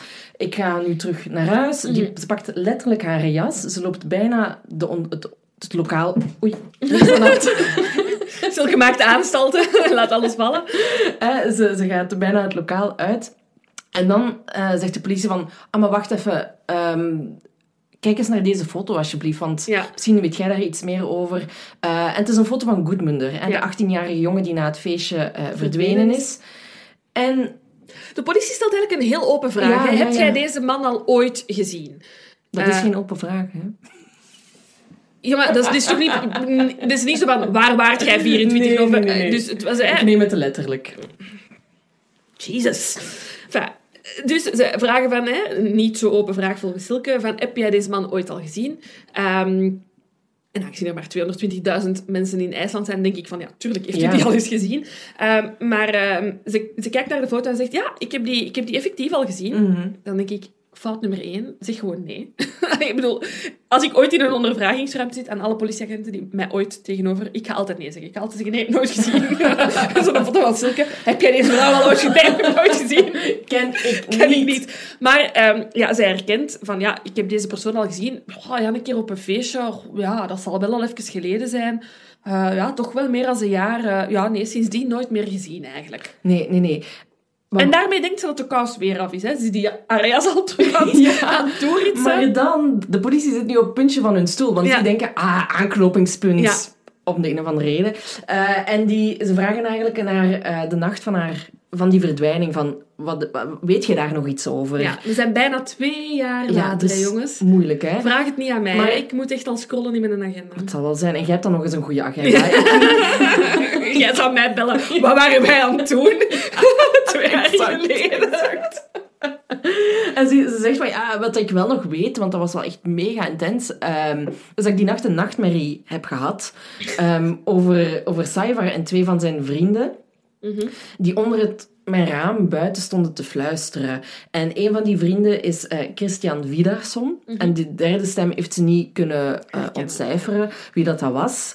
En de volgende dag ja, beslissen de speurders om haar daar verder nog over te ondervragen. Hè. Dus Erla is niet naar huis gegaan. En ze vragen van, ja, wat is er dan eigenlijk nog gebeurd? hè? Ehm, en ze denkt van, ja... Want het is zo niet duidelijk voor Erla... Wat, wat, wat is er hier aan het Wat, gebeuren? wat, wat, wat, wat is hier... Ja, of is dat, ze vraagt zich echt letterlijk af van, ja... Maar of is dat nu echt gebeurd? Gebeurd, ja. Hè? Dus zeg van, ja, dat die onder mijn raam stonden te Ja, fluisteren. op zich is het al heel bijzonder dat als iemand inderdaad... Één, we waren ermee aan het lachen, maar dat je nog weet dat je exact die dag een, een nachtmerrie hebt gehad. En uiteraard is de politie geïnteresseerd in wat dat je vertelt. En Erla begint inderdaad te denken, wacht, was het een nachtmerrie? Heb ik het gedroomd? Of, of stond Cijfer effectief onder mijn raam? Ja, Ehm, en de politie heeft daar ruimte om daarover te reflecteren. En ze zeggen ook van, kijk, eh, we gaan even de ondervragingen stoppen. We gaan even afkoelen in uw cel. En denk even na over wat je hebt gedroomd. Of je effectief iets hebt gezien misschien. Of dat er effectief iets is gebeurd. Eh, komt over een uurtje, komen we u halen. Ehm, en eh, zullen we de ondervraging verder zetten. Dus Erla zit in die cel en begint inderdaad eigenlijk een beetje te twijfelen aan haar, aan haar droom. En ze denkt, ja, ik herinner het wel nog heel goed voor iets dat twee jaar geleden Ja. gebeurd is. Ben ik wel zeker dat dit een nachtmerrie is. Ja, en zo komt ze eigenlijk tot de vaststelling dat ehm Saiva Christian en dus nog die derde persoon in haar huis zijn geweest. Ja. was het huis van haar vader trouwens. Ehm, en dat ze gezien heeft hoe dat ze in de opbergruimte stonden met iets gewikkeld in een laken. En Erla dacht eigenlijk meteen van, oké, je kan niet anders dan dat hier een lichaam eh, in zit. En eh, de drie jongens zijn eigenlijk gepasseerd langs Erla, vertelt ze, met, het, met het lichaam. Eh, en ze weet dan nog dat ze de volgende dag een vuil laken in een vuilnisemmer heeft, gezien, gevonden. ja. Dus alles begint zo wat terug te komen Ja. voor Erla. En Saivar die geeft eigenlijk ook onmiddellijk toe hè, dat hij verantwoordelijk was voor de dood Ja. van Goedmunder, Ja, hè, want- de 18-jarige. Dat is misschien belangrijk om te zeggen. Op het moment dat Erla wordt ondervraagd, ehm, ja, wordt eigenlijk Saivar ja, simultaan zeg maar, in een kamer ernaast ondervraagd. En eh, de, de politie die, die eh, Erla aan het ondervragen is, geven ook ergens halverwege het eh, verhoor, zeggen ze van, kijk, hè, we hebben net bericht gekregen dat, dat Saivar alles bevestigt wat dat jij nu aan het vertellen bent. Ja. Hè? Dus ehm, ja, je bent het u wel degelijk goed aan het herinneren. Wat dat Erla natuurlijk ook, ja, de, niet de kracht, maar het, het, het idee geeft van, ja, het is al effectief geen droom geweest zijn en wat, dat, wat dat ik heb gezien is echt. Ja. Want Saivar, die daar was, over wie ik heb gedroomd dat hij onder mijn raam stond, stond daar waarschijnlijk echt. Ja, inderdaad. Eh, en Saivar duidt de derde man aan die erbij was. Dat is Trigvi Leifson. En um, Saivar vertelt van ja, de aanleiding was eigenlijk dat we ruzie kregen, wij drieën, met Goedmunder in het huis van Erla. Uh, en dat er dan een gevecht is ontstaan waarbij Goedmunder om het leven is gekomen. En daarop heeft Saivar dan een vierde persoon ingeschakeld, Albert Skaftasson, om ja, ze eigenlijk op te komen halen om het lichaam te gaan dumpen. Alleen wist Albert niet dat het zou gaan om een moord, of dat, dat, dat ze een lijk zouden moeten gaan dumpen. Maar was hij gelokt onder het voorwendsel van ja, uh, je krijgt wat wiet uh, van Ja. ons. Dus we zitten nu met um, vier mannen en Erla. Ja, ja, effectief. En ja, Albert die zegt nog van, ja, die wordt ook gearresteerd uiteraard. En die zegt ook van ja, I was there. Ja, uh, ik heb klopt. het meegemaakt. Uh, maar ik wist wel niet dat het om een lijk ging. Hè? En uh, hij zegt van ja, we hebben die, die zak ergens in een, in een lavaveld gedumpt. En pas op de terugweg... Zo zegt, Heerlijk toch ook even, sorry. Lavaveld. Lavavelden. Ik kan me er niks bij... Allee, ik bedoel, visueel heb ik wel iets, maar hoe dat... dat ja, ik zie echt zo, gelijk in film, zo lava spuiten uit de grond. En, en, maar hoe, ah. hoe leeft je daar? Ik bedoel, staat, het, niet. staat het huis van de vader naast spuitende lava? Of hoe moet ik mij dat inbeelden? Nee, ik denk dat dat echt gewoon... Versteende lava. Versteende lava is. Met de elfen eronder. Die, die trekken aan ja, het lichaam. Ja, ja, ja. oké, okay, helemaal duidelijk. Um, dus uh, pas op de terugweg heeft Saivar tegen Albert gezegd dat het om een lijk ging. Sorry, maar dus iemand heeft een lijk gedragen, gedumpt in een lavaveld en dan zo, ah ja, by the way, dat was een lijk. Huh? Ik weet het ook niet. Nee, ik nee, weet het nee, ook niet. ja, nee, want ik weet het wel, want ze hadden het, Ik weet het. ze hadden het lichaam van Goodmunder in stukken gehakt. Ah, super. En daardoor had ehm, Albert niet door dat het om een lichaam ging. Ehm, dus die Christian en die Trigvi eh, worden er ook nog bij gehaald, uiteraard gearresteerd. En ehm, Christian die bevestigt ook van ja, ik was die nacht van de verdwijning van Goodmunder ook in het huis. Mhm. En er is inderdaad gevochten tussen Trigvi en Goodmunder. En eh Goodmunder is inderdaad door dat gevecht gestorven. Maar Christian zegt al, ik was mega dronken, dus ik weet eigenlijk, niet meer veel, Ik heb ja. alleen maar flarden. eh, maar hij herinner- herinnerde zich wel nog de gele auto van Albert en dat ze het lijk eh, waren gaan dumpen. Mhm. En dan is er nog Trigvi, die zegt van ja, ik, die ontkent in Mhm. eerste instantie alles. Hè. Ehm, er wordt wel over hem gezegd van ja, dat is iemand die je moet mijden wanneer dat hij gedronken heeft, eh, omdat hij wel eens goesting had om, om te vechten. Eh, maar ja, na een tijdje gaat ook hij door de knieën en bekent hij dat hij ook verantwoordelijk is voor de dood van Goedmoender, maar dat hij hem niet kende. Ja. Ehm, en ook opnieuw dat er een, een, een discussie was, maar dan deze keer tussen Goedmunder en Christian. En dat Cyver hem nog eens op het hoofd heeft getrapt. Ja. Dus dat zijn zo wat de ja, bekentenissen Ja. van de vier, Ja. van de vijf eigenlijk. Gewoon even, dit is wel best een lange periode. Hè. We zijn hier zeker over een jaar, een jaar en een half bezig aan, aan, aan, aan, het- aan, het- aan het praten. Ehm, dus met arrestatie, ondervraging, terug naar de cel, ondervraging. Enfin, Ja. hè, dus het is wel een, een best lange periode. Ehm, en de politie heeft zoiets van... 1 plus 1 gratis. Misschien moeten we een keer vragen naar die andere mens die vermist is. Ja. Ja, Dat inderdaad. Ze. Dat doen ze, hè, want Erla die mocht ondertussen wel terug naar huis. Hè, Ja. in, in, eh, in, in, om, ja, zij had in principe niks te maken Ja, met ze die moord. bystander, hè. Ja. Inderdaad, het enige waarvoor dat zij destijds werd ondervraagd was voor die fraude. Dus in afwachting van dat proces eigenlijk Mhm. mag ze terug naar huis. Ze blijft wel in contact met die speurders, Mhm. ehm, die ook nog vaak bij haar op bezoek kwamen in de documentaire. Zegt van ja, ik was op dat moment vrij alleen. Ik had geen familie meer, omdat ze keurden mijn relatie met Saivar niet goed. Ja, mhm. En ja, die speurders zullen vast wel Ja, iets gevoeld u- hebben. Hè, van... Uw lief zit ondertussen in de bak. Ik bedoel, ik denk niet dat uw moeder daar super blij mee is. Nee, nee, nee. nee. Amai. Ik zal er ook niet blij mee zijn, zoals mijn kleine. Dus ik mag Alma geen criminele feiten laten plegen. Kleintjes. Oké, kleintjes. Kleintjes. En ze komen langs nogmaals om eh, wat vragen te stellen over de moord op Goedmunder. Tot op een gegeven moment eh, een van de speurders eh, gewoon los uit de pols vraagt van ja, eh, denk je dat Cyber misschien iets te maken zou kunnen hebben met de moord op Gerfinur? Hè? Dus de tweede man die verdwenen is. Ehm, en ze zegt, ze heeft haar les niet geleerd. Hè? Nee. Ze zegt, Ja, dat kan. misschien, misschien. Misschien. En ehm, dan begint ze eigenlijk over het feit dat ze dreigtelefoontjes eh, heeft gehad. Dat ze al te veel hadden gezegd over de moord op Goedmunder. Ja. En zij denkt... Ja, ik, ik heb totaal geen goede relatie met mijn halfbroer. Mhm. En hij zou er wel eens iets voor kunnen tussen zitten dat hij me nu die Ja. dreigtelefoontjes zit te doen. Ehm, en die naam is Einar Bollasson. hè. Ja. Dus El, El- Er- Erla Mhm. en Einar Bollasson. Gewoon Ja. om even Ja. de namen, want ik vind dat heel mooi Ja. dat die namen zo zijn. Ehm, anyway, en ze denkt, ja, er, er, er gaan vast en zeker nog andere mensen bij, bij betrokken zijn. Dus ja, er worden ook weer eh, ondervragingen gedaan. Ehm, en er komen, ja... Je, die mannen zitten toch al in de bak. Misschien kunnen we ze nog eens ondervragen. En dat gebeurt. Ja, en er komen verschillende versies aan bod. Ja. Laten we dat even duidelijk maken voordat er eh, verwarring eh, ontstaat. Mhm. Ehm Saivar die zegt van ja, ik was erbij toen Gerfinur vermoord werd aan de dokken. Mhm. En hij zegt ja, zowel ik als Christian Erle als een paar andere mannen waren erbij. En het motief ervoor zou zijn, is dat in IJsland op dat moment alcohol verboden was. Imagine. Imagine. 1974, geen alcohol. Echt waar. En eh, ze zouden dat binnensmokkelen. Enfin, ik, eh, vooral duidelijkheid, ik trek dat niet in twijfel. Ik probeer me gewoon even een leven zonder alcohol. Oh, zwaar leven toch, En bij, deze drink ik nog eens. Ehm, en Cyber die zegt van ja, ik was even weg met de wagen en toen ik terugkwam was er duidelijk dat er iets was misgelopen en eh, dat Gerfener van de boot was gevallen en was Ja. verdronken. Mhm.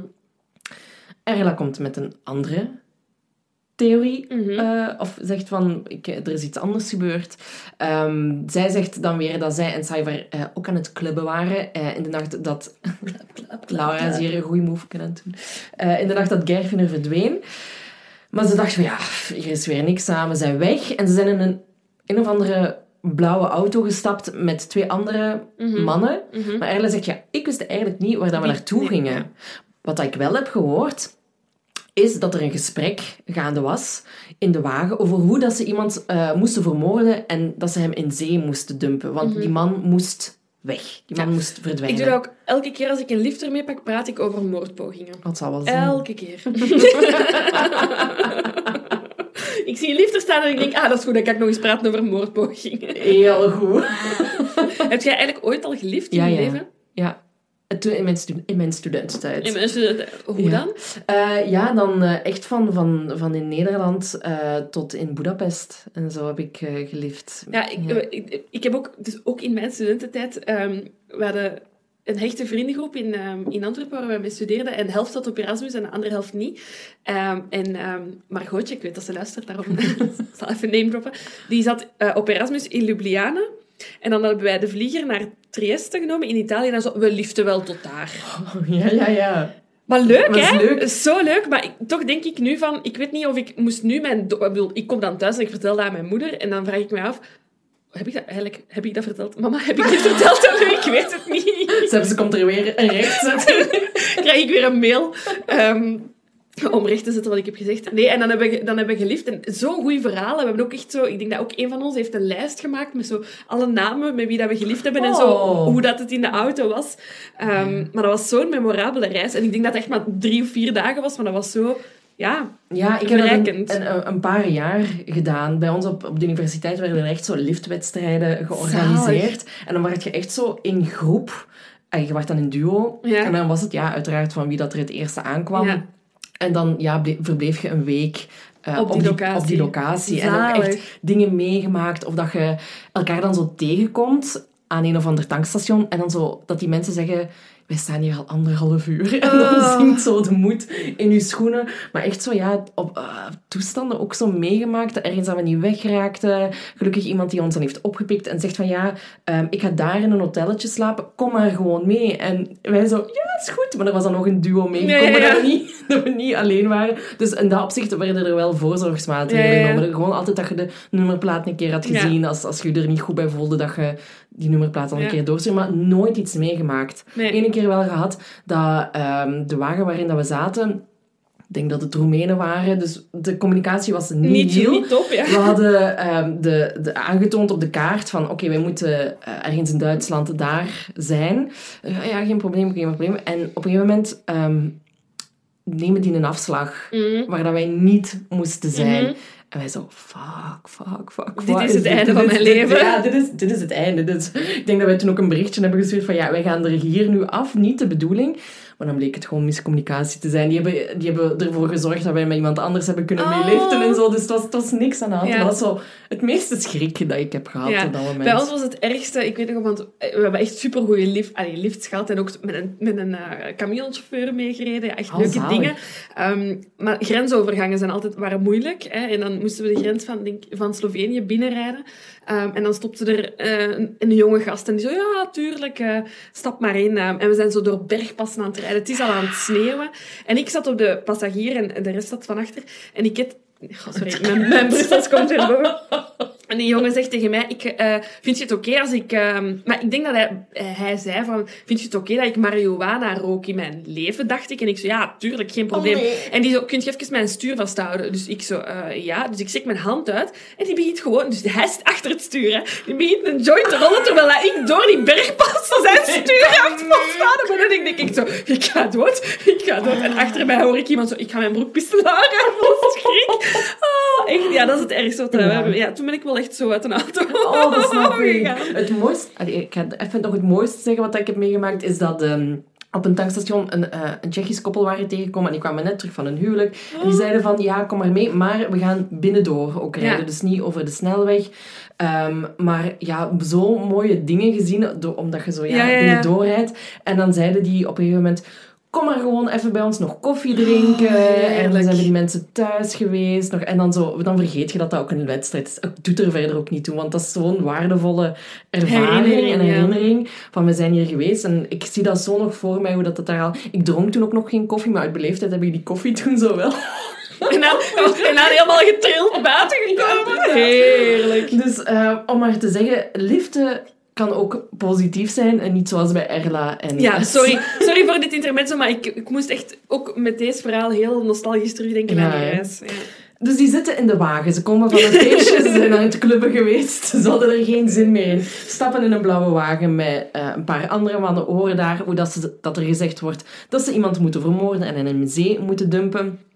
En toen ze aan de dokken kwamen, Mhm. zag Erla wie dat er uiteindelijk aan het stuur zat. Herkende ze de persoon. Ja. Eh, en was het de clubbaas waar dat ze net waren geweest. Magnus Leopoldsson. En eh, eens en eenmaal op de dokken zegt ze, waren er ook nog andere mannen aanwezig. Waaronder mijn halfbroer. Hè, de professionele ba- basketbalspeler die er dreigtelefoontjes had gedaan. En eh, ook Christian. En het motief zou geweest zijn dat eh Gerfeneur hen alcohol had beloofd. En ja, dat Ja. er iets was Ja, misgelopen. Gerfner zou eigenlijk... ehm, hij- hij- Oké, hij, was een, een, een, een, een, ehm, bouwvakker, maar hij zou inderdaad helpen met de smokkel eh, via de zee, hè, dus via de boten, ehm, voor alcohol binnen te krijgen eigenlijk. Ja, in, eh, vandaar dat ze aan de dokken Ja. stonden. Eh, maar er is een ge- gevecht uitgebroken, zegt Erla. Eh, maar ze heeft niet meer gezien wat er Wat dan er gebeurd is. gebeurd is, want ze is weggevlucht. Ja. Christian, zijn versie, hij zegt ja, niet veel later ook van ja, ik was daar ook. Mhm. En eh, hij had dan op zijn beurt Erla, Saivar en de halfbroer van Erla gezien. Maar opnieuw was Christian zwaar onder invloed en heeft hij verder niet kunnen... Mhm. Herinnert hij zich verder niet wat dat er gebeurd is. Mhm. Mhm. Dus een paar dagen later worden die vier mannen die genoemd zijn, Ja. hè, Einar, de halfbroer van Erla, Magnus, de clubeigenaar, als ook de medeclub-eigenaar, Sigurbjörn Eriksson. Het zijn veel namen, ik weet het. Ja. Maar hè, onthoud dat Een, groep, een, groep, een mannen. groep mannen, niet allemaal dezelfde van moord 1. Nee, nee, nee. Dus er is, komt, komt een extra groepje bij, Ja. die ook wel clubmen worden genoemd. Ja, omdat ze inderdaad allemaal gelinkt zijn aan die clubavond. Enfin, Erla zegt van, ja, het is eigenlijk gestart in die club. Het waren mensen van de club, wij kwamen van die club. Club, club, club. club. Club, club, club, club, club, club. Ja, exact. De boys van de carré, snapte? En wat dat opmerkelijk is aan dit clubje... kon ik niet laten liggen. Is dat zij publieke figuren zijn. Zij Ja. zijn bekend in Er IJsland. is waarschijnlijk maar één club in IJsland. Pas op voordat je IJslanders op een zere tegen ja, Ehm, in tegenstelling tot Saivar en Christian en zo, hè, dat waren echt ook ja, kleine criminelen. Mhm. En eh, dus de eh, theoriemolen draait ook op volle toeren. De dag allemaal publiceert. Alleen Het is- niet echt, hè, maar... Bij wijze van spreken. Het gaat om georganiseerde misdaad, wordt er gezegd. En ja, uiteraard zijn er natuurlijk hooggeplaatste mensen bij betrokken. Ik denk dat hier mijn bende van Devil vibes Ja, zijn gekomen. snap ik. Snap ik. Er is eh, in, in IJsland een partij, de Progressieve Partij. Mhm. En die werd er eigenlijk eh, van bedacht de smokkel van alcohol te organiseren. Tuurlijk. En de voorzitter van die Progressieve Partij was toch wel niet de minister van Justitie. Dus ja, Ching, ching, ching. dat is schandaal. Alert. Schandaal, schandaal. En tuurlijk is het de progressieve partij, de conservatieve partij, die, waarschijnlijk die alcoholwet ingevoerd. Fokko's. Maar goed, het onderzoek naar die vier levert niks op. Ze houden hun onschuld vol. eh, en ze blijken dan ook nog eens alibis te hebben. Ja. Eh, maar het wordt alsnog een schandaal, want ze worden vrijgelaten, maar ze hadden ondertussen wel 105 dagen in een isoleercel gezeten. Super, hè? Dus ja, de speurders denken, er, we moeten hulp Eh, inschakelen. Ja, ja. En dan hebben ze een soort van superheld die ze in Duitsland gaan halen. Die heet Karel Schutz. Ehm, en die heeft in het verleden inderdaad al zo wat ehm, gangzaken opgelost eh, in het hoge noorden en in Mhm. Duitsland. Ehm, dus die IJslanders hebben zoiets van, weet we brengen die een Duts, die gaat dat hier oplossen. Ehm, En die krijgt eigenlijk een taskforce zeg maar, van tien onderzoekers onder hem. En hij staat daar dan zo wat boven hè, en overziet de ondervragingen hè, en communiceert dan met de politieagent van oké, okay, probeer dat eens, zeg dat eens. Hè, en managt eigenlijk een beetje de ondervragingen. en, en daar komen wel zo wat ja, contradictorische verklaringen. Maar op een of andere manier eindigt dat na een jaar toch in een soort van semi-harmonieus geheel. Um, hij beslist ook om, um, om veldwerk te doen. Hè? Uh, om, om, om die lavavelden, sorry, ik blijf echt spuitende lava zien, um, om lavavelden te gaan uitkammen, hè, op zoek naar toch een soort van uh, lichaam of lichaamsresten. Um, en hij beslist ook eigenlijk om de, de crimes, die da, de misdaden die daar worden beschreven door de, uh, door de verdachte, te reenacten, te, na te spelen en om daar foto's van te maken. Hè. Voor hem, hij denkt van, weet je, we gaan dat gewoon eens documenteren op beeld, wat jij zegt, hoe dat jij denkt dat het gebeurd is. In de documentaire zitten die foto's ook trouwens. Ja, heel waanzinnig. Ja, heel waanzinnig. Ja. Um, binnen de paar maanden heeft Schutz eigenlijk ja, flink gewerkt um, en slaagt hij erin om zes mensen voor het gerecht te krijgen. Wacht, ik ben, jij bent echt suspicious naar mij aan het kijken. Nee, ik veronderstel dat jij het nog verder gaat uitleggen wat dan... Zeg maar? Wat er gebeurd is, volgens Karel. Ah, zo! Ah ja, ik wou nu naar de rechtszaak gaan en, en daar, zeggen wat er gebeurd ook is. Goed, ook goed, ook goed. Doe maar.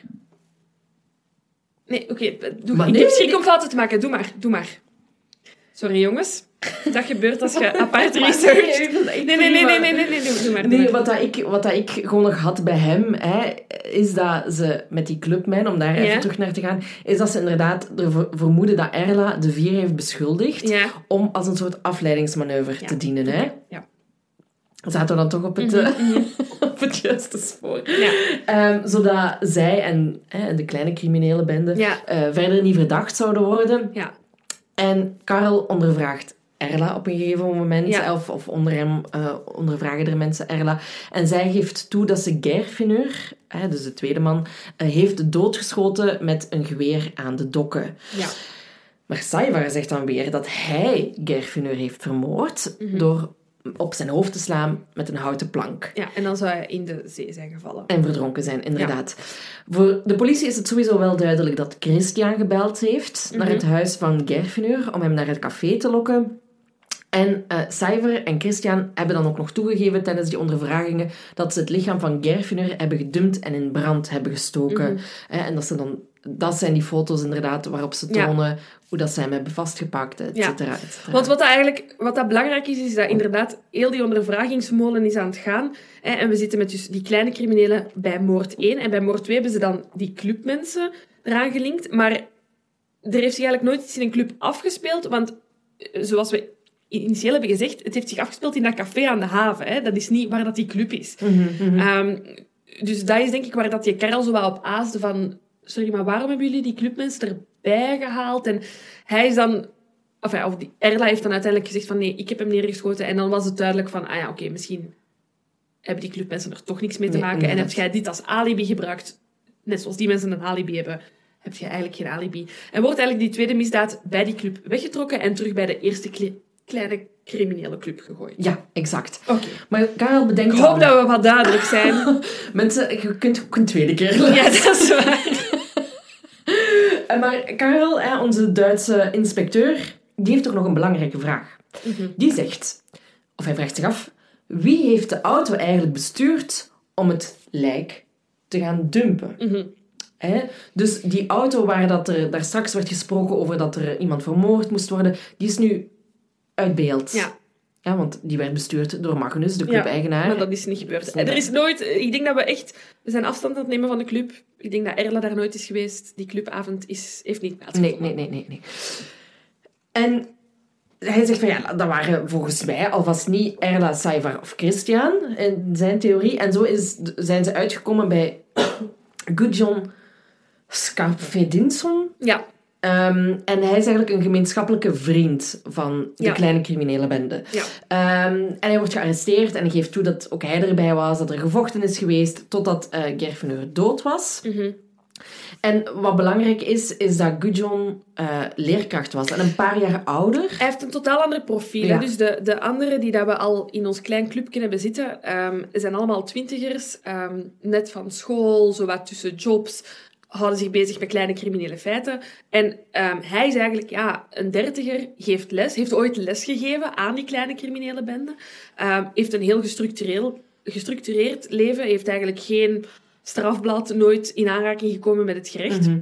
Dus het feit dat hij bekend dat hij erbij is geweest, dat hij er iets mee te maken heeft, dat hij bevestigt wat dat de anderen van de criminele bende zeggen, geeft de zaak geloofwaardigheid. Want ze hebben zoiets van, waarom zou deze man, die nooit met het gerecht in aanraking komt, liegen? Hij spreekt sowieso de waarheid. En het feit dat dat hetzelfde is als wat dat die kleine criminele bende zegt, ja, prima. En, ah ja, het klopt gewoon. We hebben iemand die eigenlijk hun verklaring bevestigt. Ja, inderdaad. Ehm, dus op een persconferentie wordt er dan zeer groot aangekondigd door onze Duitse... Eindelijk, want ja, mensen zitten hier al lang op te wachten, hè? Ja, door de Duitse inspecteur zegt van... Oké, de bekentenissen zijn voldoende om de daders te vervolgen. Mhm. En de premier zegt groot... De nachtmerrie is voorbij. En dan komen we inderdaad aan de rechtszaak. Ja. Ehm, ja, ik heb heel gordroog opgeschreven wat er is beslist. Hè. Sa- eh, wordt toch een beetje de grote spilfiguur van de criminele kleine bende. Ehm, oh, nu denk ik aan een toadback met kleine criminele ook, bende. ik ook, ik ook het Oh. Kan nog allemaal. Kan ook allemaal. Klein crimineel clubje. Ja, mm, heel mooi. Dus Cyver, leider van het klein crimineel clubje, krijgt levenslang. Erla krijgt drie jaar en al de rest rond de twaalf jaar. Niet dat ik hun namen niet nog eens wil opnoemen, maar ik heb gewoon een kleine samenvatting ehm, gegeven. Ehm, ja, vooral, Cyver is eigenlijk echt veroordeeld voor de twee moorden en het opruimen van de lijken. En dat is waarom dat hij eigenlijk een beetje de spilfiguur is van dit alles. En ze zitten allemaal een straf uit. Ja, dus daar is geen wet lejeune, dat is gewoon de volle, de volle laag. Maar op Enkel- zich vind ik dat nog laag, hè? Z- z- 17 jaar, 12 jaar voor twee moorden op uw geweten te hebben. Ja, dat is een andere discussie. Maar bon, als je vergelijkt met hoe dat het hier eraan toe gaat, maar ja, bon, Bij ons, zit, bij ons zit niemand 17 jaar voor een moord, hè? Effectieve straf? Nee, nee, oké.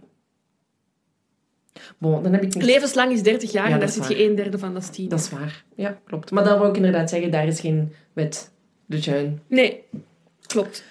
Anyway. Anyway, Anyway. we gaan hier niet de discussie over de gevangenissen voeren, want ik heb daar een zeer, een, een zeer extreme mening over. Dus, Wouden we dan nog wel eens voor... eh, ja, een andere een man- talk of zo, hè? Ik me goed voorbereiden. Alright, dus iedereen zit zijn straf Ja. uit en we zijn dus ja, fast forward 10 jaar, 15 jaar. Langer zelfs. Ja. Hè? Eh, en Cypher is de laatste die vrijkomt. En wat dat opvalt, is dat ze eigenlijk al die jaren hun onschuld hebben uitgeschreeuwd. Ja, want wat er eigenlijk is gebeurd is... ehm, eh, ik moet heel veel denken aan, sorry, mijn vorige tip van de vorige aflevering, Interrogation. Hè, namelijk, er is een bekentenis, ook bij deze groep mensen.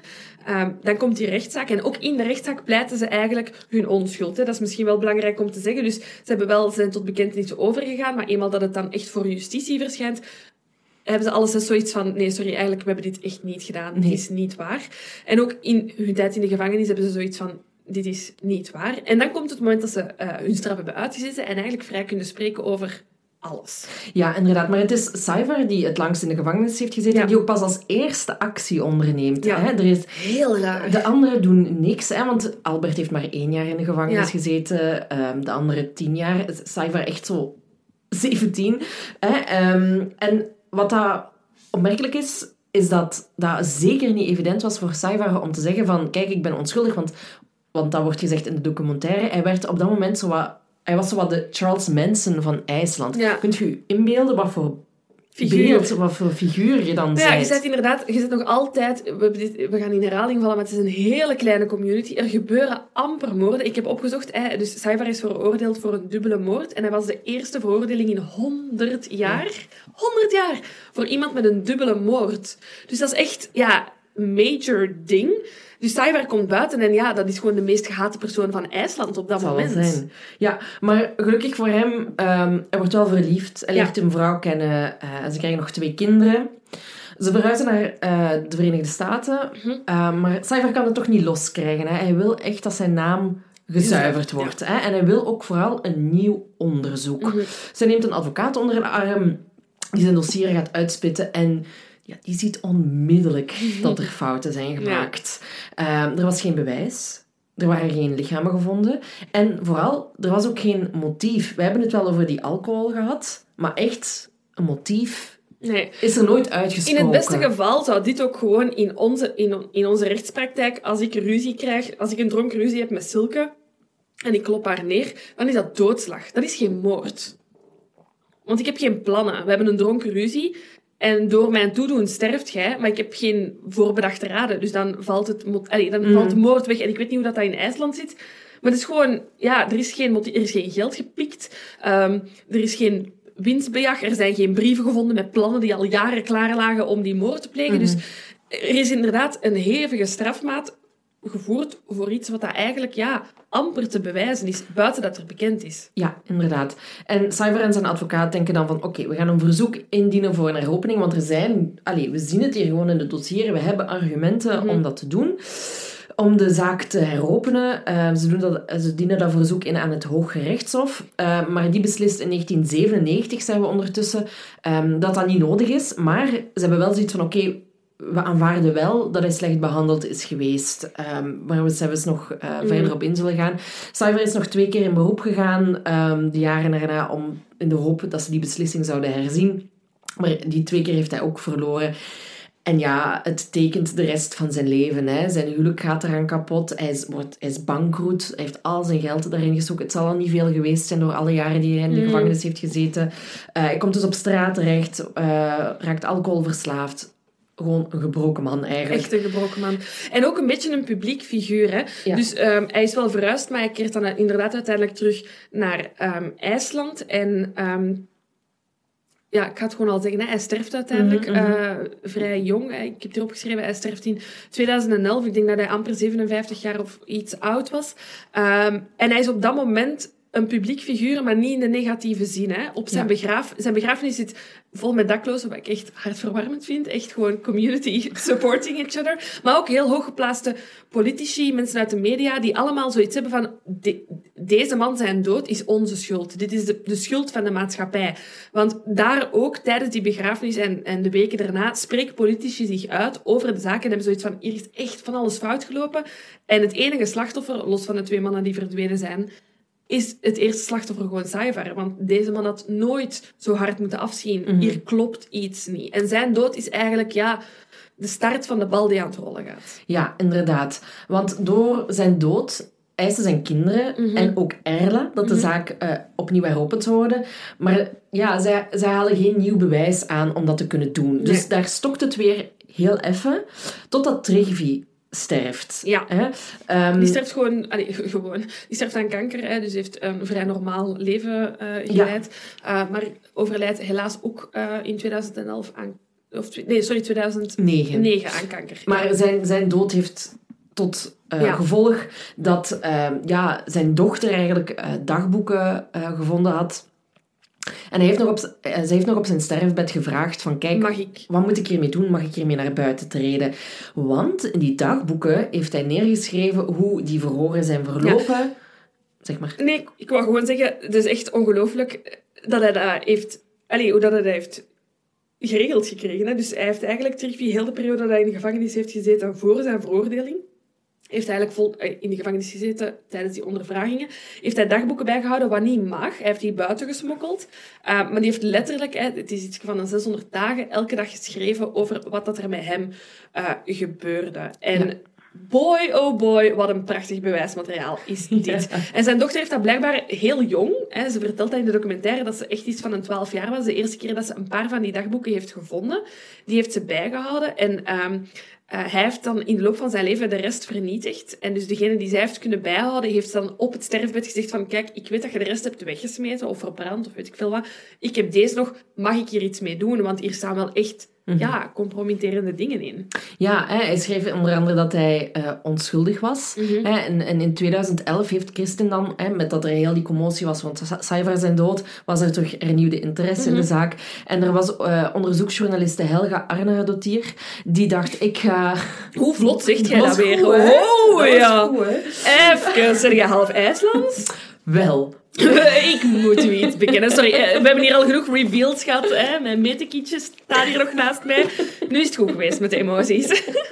Dus onze Helga, die gaat eh, de dochter van Trigvi eh, interviewen.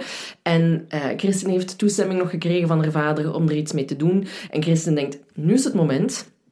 En ze geeft die dagboeken aan Helga, die op haar beurt die dagboeken meteen opstuurt naar Londen, want daar zit forensisch psycholoog Gisli Gudjonsson. En nu denk je, huh? Londen? Wat een IJslandse naam. Jazeker! Het is wel degelijk Londen, Londen. Hè? hij zit in Londen, maar hij is een IJslander. Ja, ja, Dat is ongelooflijk. ongelooflijk. Ongelooflijk. Sorry. Ik was echt zo, nog een IJslander. Er waren er maar 200.000. Hadden we niet verwacht. Sorry. That took an unexpected turn. Bon, onze Gisli, dat is een ex- die dus de man die in Londen zit, is een expert in valse bekentenissen. En wat hij eigenlijk te weten komt, wat er in die dagboeken staat, waanzin. Echt de waanzin. Trigvi is maandenlang gewoon in een, niet gewoon in een cel, maar in een isoleercel eh, gestoken. Hij is gedrogeerd. Hij dacht dat hij gek werd. Ehm, ook stond erin, en dat is belangrijk, Trigvi dacht dat als hij zou bekennen, dat hij dan niet langer in de isoleercel moest zi- zitten. En zijn, zijn redenering was, als ik het nu beken, dan kan ik het later nog wel terug intrekken. En dat is wat dat ze tijdens de rechtszaak hebben willen doen. Is dan, oké, ja, we willen gewoon af van al die miserie en eh, ehm, eh, torture, marteling hier. Ja. Eh, dus we gaan, ik kan het later nog intrekken. En ja, la- Sorry, ik heb mijn hand opgestoken, Ja. want eh, we, pro- we proberen elkaar niet meer te veel te onderbreken. Ik heb er twee opgeschreven, ehm, echt even statistisch. Hè, want los van hem ehm, heeft de rest Ja. hetzelfde ondergaan. Ehm, en ik heb van zowel Erla als van Saivar even de statistieken over hun tijd in de gevangenis opgeschreven. Erla was eh 20 op het moment dat ze is gearresteerd. Ze heeft 242 dagen alleen doorgebracht zonder met iemand in contact te zijn gekomen. 242 dagen, sorry, let that sink in. Ze heeft 105 interviews moeten afleggen bij de politie. Dat is in totaal 120 uur. En daar was drie keer een advocaat bij. ja. Dan heb ik Saivar, was ook 20 toen hij werd gearresteerd. Hij heeft 615 dagen... Sorry jongens, dat is niet voor te stellen. 615 dagen alleen doorgebracht. Dat is eh, twee jaar. Ja. Twee jaar alleen, hè? Niemand. Niemand. 180 interviews afgelegd. 340 uur ondervraagd geweest. En er was wel 49 keer een advocaat bij. Maar los Maar daarvan, nog. 615 dagen alleen. Ja. Tegen niemand. Niks. Sorry, dat wou ik even... Nee, nee, nee. Dat zijn zo... Het, dat is- het, het volgt erop, want het is, dat kom- komen ze eigenlijk allemaal te weten. Doordat de dagboeken van Trigvi onderzocht zijn geweest door Helga en Gisli, is er een onderzoekscommissie Mhm. Ja. opgericht om te bekijken hoe dat ze dan aan die bekentenissen zijn gekomen. En ja, wat dat jij nu net zegt, laat al veel eh, duidelijk maken. Hè? Dus ze zijn inderdaad ook wel... ehm, hè, ze hebben al die eenzame opsluiting gehad in de documentaire. Hoort je ze aan het woord hoe dat je alleen nog maar met je gedachten zijt. Ja, je bent alleen met je gedachten en je weet dat er gewoon een, er hangt een zwaard van Damocles boven je hoofd. Want je zit daar voor een misdaad die dat ze u hebben voorgelegd. En dan zit je 600 dagen alleen na te denken of dat, dat gebeurd is, of jij er iets mee te maken hebt. En hoe dat je zo snel mogelijk eigenlijk... Ja, je schakelt in een overlevingsmodus en je hebt zoiets van, oké, dit is verschrikkelijk. Hoe kan ik hier het snelste uit geraken? En ja, wat is de snelste oplossing? bekennen. Bekennen. En dat is nog niet het ergste, Nee. het feit dat ze in die eenzame opsluiting zitten. Want ehm, de politie, of de, de bewakers, lieten hen ook niet slapen. Hè. Er werd s'nachts geluid gemaakt, hè, de, op de deuren bonken, of het licht bleef aan. Eh, de, hun hoofden werden in emmers water gestoken. En daarbij zeiden ze van, ja, als je nu niet zegt wat dat er gebeurd is, dan verdrinken we u gewoon. Ehm, om aan te tonen hoe zeer ernstig dat het was, heeft Christian zich probeerd twee keer eh, het leven te ontnemen. Ze mochten ook geen familie ontvangen. Dus de speurders ja, hebben eigenlijk hen ook de woorden in de mond gelegd. Hè? Half en half. En denk er nog maar eens over na, terwijl dat je in die isoleercel zit, hoe dat het zit. Sorry, en ja, maar je zit, je zit, meer, en zo. je zit twee, da, eh, twee jaar alleen. En de enige momenten dat je buiten mocht, is ehm, om voor twee of drie politieagenten te zitten die u martelen. Sorry.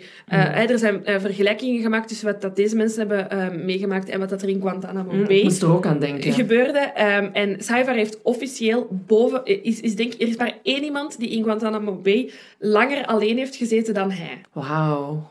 Ja. Um, dus ja, je kunt je voorstellen, ik bedoel, twee jaar lang alleen zijn en het, de enige way out is ja, die wortel dat die politie je voorhoudt en zegt, als je hieraan hapt, hè, als je dit bekent, dan komt er een rechtszaak. En dan kun je in een gewone gevangenis belanden. Ja. Want zolang jij niet bekent, gaat jij terug in die cel. Dus gewoon, sorry, maar de wilskracht van die cijfer, 615 dagen. Echt, geef mij 2,5 uur alleen. En ik ben echt Nee. zo, ja, zeg maar, wat moet ik doen? Wat heb ik gedaan? ik zet mijn handtekening. En wat ik dan goed vind, is dat de commissie in 2013 tot de conclusie komt dat de bekentenissen, de, eh, dat de bekentenissen hoogstwaarschijnlijk verzonnen zijn. Probably. En dat het onderzoek opnieuw geopend moet worden. Maar wat dat hier ook interessant aan is, is dat ze op een gegeven moment het ook zelf gaan geloven allemaal. Dat ze, dat ze echt denken dat ze twee mensen hebben vermoord. Ja, Silke, daar is een term voor. Er is een term voor memory distrust syndrome. Heel interessant. Ehm, Dat is ook uitgelegd door, eh, door Gisli, de forensische expert in Londen, Ja, eh, in de documentaire. Ja, ik heb even heel kort. Hè, ehm, dus alle zes de mensen ehm, werden in staat van beschuldiging gesteld.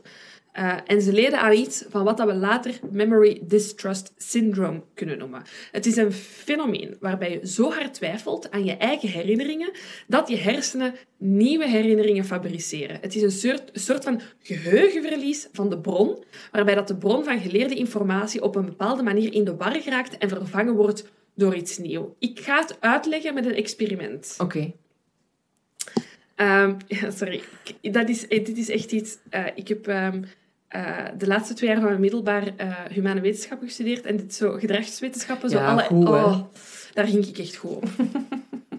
In de jaren 90 had je een experiment allee, ont- bedacht door de psycholoog Elizabeth Loftus en James Cohn. En het Mhm. heet Verdwaald in het winkelcentrum.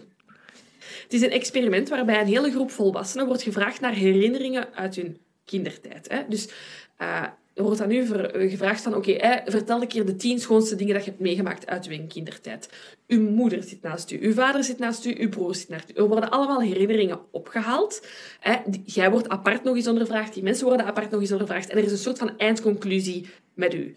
Ehm, dus je spreekt over vakanties, kleren, eten, dingen dat je niet meer eh, ja, herinnert. En uiteindelijk heb je een eindgesprek met de psycholoog. En die zegt, oké, kijk, deze vijf herinneringen moet je eh, onthouden. Dat is zowat de core van uw kindertijd. Hè?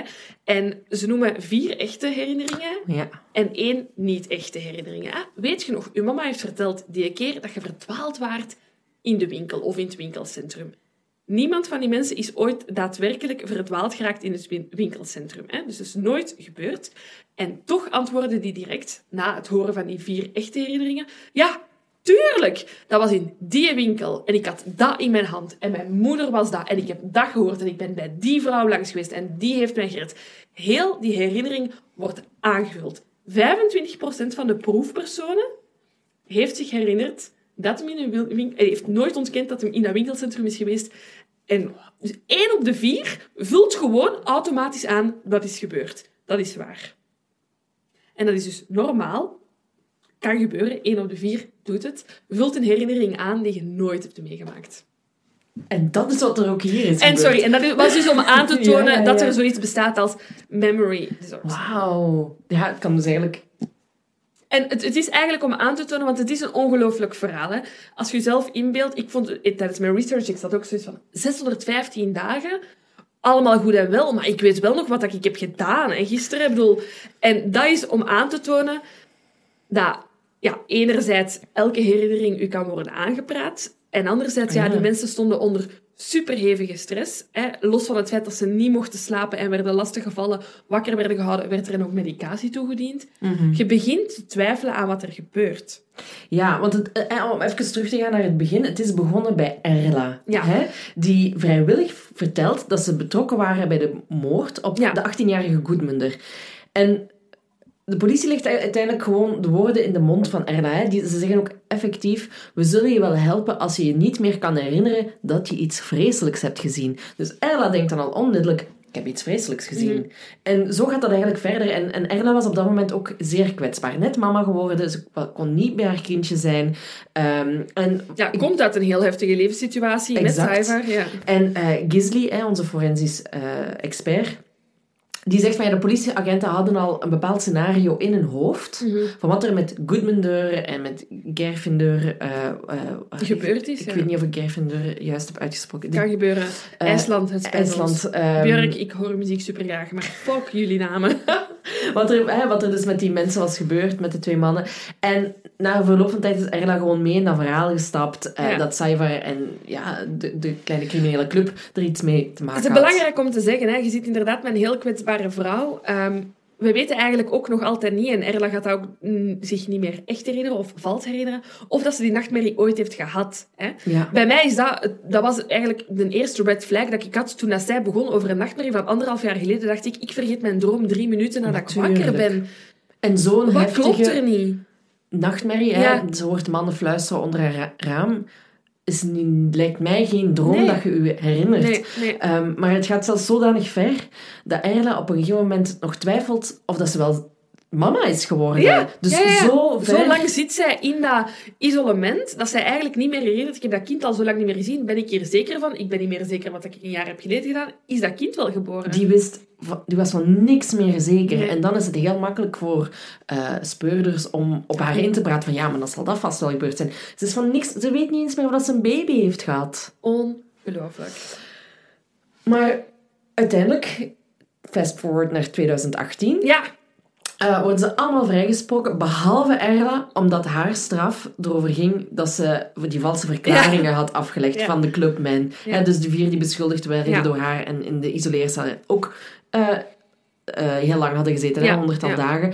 En ja, de vraag blijft dan natuurlijk, wat is er met Gudmundur en Gerfenur gebeurd? ja. Ik denk... Ik denk... Ik heb hier lang over nagedacht, want dat vind ik de moeilijkste vraag. Ja. Hè? We zitten inderdaad met een onopgeloste zaak. Ik denk als de politie, en sorry daarom dat ik er zo hard heb op gehamerd in het begin, als de politie de twee zaken niet aan elkaar had gelinkt, denk ik dat het gewoon was gepasseerd. Als we toch al spreken over jarenlang, oh, af en toe verdwijnt er wel een keer iemand in een lavaveld. Sorry, lavaveld is echt mijn woord van 2021. Ehm, ja, waarom zijn die niet alle twee gewoon verdwenen? Wie weet, is die niet thuis geraakt na zijn avondje uit? Is die op café buiten gestro- heeft hij daar een pintje gedronken, buiten gestrompeld, in de dokken gevallen, in het water, doodgevroren? Je weet het niet. Er is ook geen lichaam. Ik vind het heel moeilijk om te zeggen wat er gebeurd is als je geen lichamen vindt. Ja. Ja, nu, bij, bij, bij Gudmundur is, is het wel opmerkelijk dat hij ook nog met een andere man is gezien. Hè? Zou, zou die man er dan iets mee te maken kunnen hebben met zijn verdwijning? Of zijn, zijn hun wegen dan op een gegeven moment Maar ja, weet je, ik ben ook nooit alleen van een feestje naar huis gewandeld. Er is altijd een vriendin die eerder woonde of na mij Mhm. woonde. Er is een punt dat je afscheid neemt. Ja. Maar het was een man die ze niet kende. Dus het was niet per se een vriend. Oké, maar ik maak heel veel vrienden in het wc Ja, van de dat club. dacht ik al wel. Ik heb echt al wel. veel dronken vrienden gemaakt. Om maar te zeggen, ja, ik denk eerlijk gezegd dat, dat, dat Gudmundur, ja, inderdaad, door die sneeuwstorm, Mhm. ehm, inderdaad... Als je drie keer al bijna onder een motto loopt, Ja, dan loopt je niet meer recht. Hè? nee, dan loopt je niet meer recht. En eh Stay away from the drugs and the alcohol, kids. En Gerfener, ja, daar blijft dat telefoontje toch wel heel opmerkelijk, hè? ik geloof dat er, bij de- zeker bij de tweede, kan er zeker voor mij iets zijn van enige crime. Maar En- ze zijn niet verbonden. maar ze zijn volgens mij niet verbonden. Nee, ze zijn niet verbonden. Ze hebben er ja, te veel druk eh, gevoeld Ja. om ze te willen oplossen. En daar zijn dus nog heel veel slachtoffers eh, bij gevallen. Maar dat wil dus wel zeggen dat als Gerfener vermoord is, dat er wel nog steeds een moordenaar vrij rondloopt. Als er vermoord is geweest. Als hij vermoord is geweest. Interessante zaak. Er zijn wel nog tips geweest trouwens, hè? Ehm, Mhm. maar die hebben ook tot niks geleid, eh, by the way. Dus we weten het niet. Ik vond het heel interessant. Ja, heel, ik vond het heel moeilijk in het begin om mijn hoofd erbij te houden met al die namen en alle verschillende En ook gewoon- versies. In mijn hoofd is IJsland, en eh, zonder denigrerend te willen klinken, maar je denkt, nee, maar ik beschouw dat, maar ik heb dat probleem vaak. Hè. Ik beschouw Europa als één groot land en ik ben altijd zo shocked als er zo andere gebruiken, maar zo dit soort technieken en onwaarschijnlijk zijn er dingen in België die, of in Nederland die ook zo van die ondervragingstechnieken gebruiken. Maar voor mij is dat heel moeilijk om te vatten dat dat gebeurde. Mhm. Ja, tuurlijk. Dat is voor mij zoiets ver. En, en, en in andere culturen of in andere landen. Ja, of in Amerika, waar dat ze helemaal crazy gaan op dat soort dingen. Maar voor mij is dat heel moeilijk. Voor mij is IJsland uber geciviliseerd en, en, en heel het hoge noorden. En, Ja. en, en wordt er een advocaat onder je gat geschoven van het moment dat je ene Ja. stap de gevangenis... Ah Ja, dat zijn zo dingen... Ik, ik kon gewoon mij niet voorstellen dat er zo'n misbruik was binnen het justitiesysteem. Maar ja, maar we spreken ook van de jaren zeventig natuurlijk. Know, hè? Dus. Er werd nog LSD in je cola gedaan, zonder dat je het wist. zonder dat je het wist. Nee, boeiende zaak. Heel boeiende zaak. Hij is ongetwijfeld ook, denk ik, wel al een paar keer gesuggereerd. Absoluut. En ga ook zeker de documentaire eens zien. Ja, Ik vond hem niet fantastisch, maar ik vond hem wel goed om de beelden bij het verhaal te krijgen. Ja. Om even een mental picture te krijgen van wat dat wij nu net eigenlijk allemaal gezegd hebben. ja. En heel cool. Jaren 70 is altijd tof. Het is, wat ik wel leuk vind eh, aan de documentaire is dat het wel echt heel goed 70s ja, is oeh, reenacted. Ja, ja, heel goed.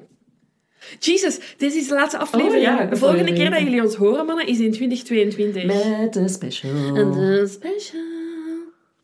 Spannend. Heel leuk. Zeg, gelukkig eh, nieuwjaar en vrolijk kerstfeest en, En toestanden. wensen jullie alles wat dat jullie willen. Ik ga geen beloftes meer doen over vrijheid en dat soort dingen. Ehm, maar We zien wel wat er komt. Silke, ik vond het een superleuk jaar met u. Het was een goed jaar, hè? Ik, vond, ik heb daar straks tegen u gezegd, ik vond het echt een heel goed jaar. Oh, we zullen nog een recap moeten doen, hè? Ja. Het boek. Dus, jij...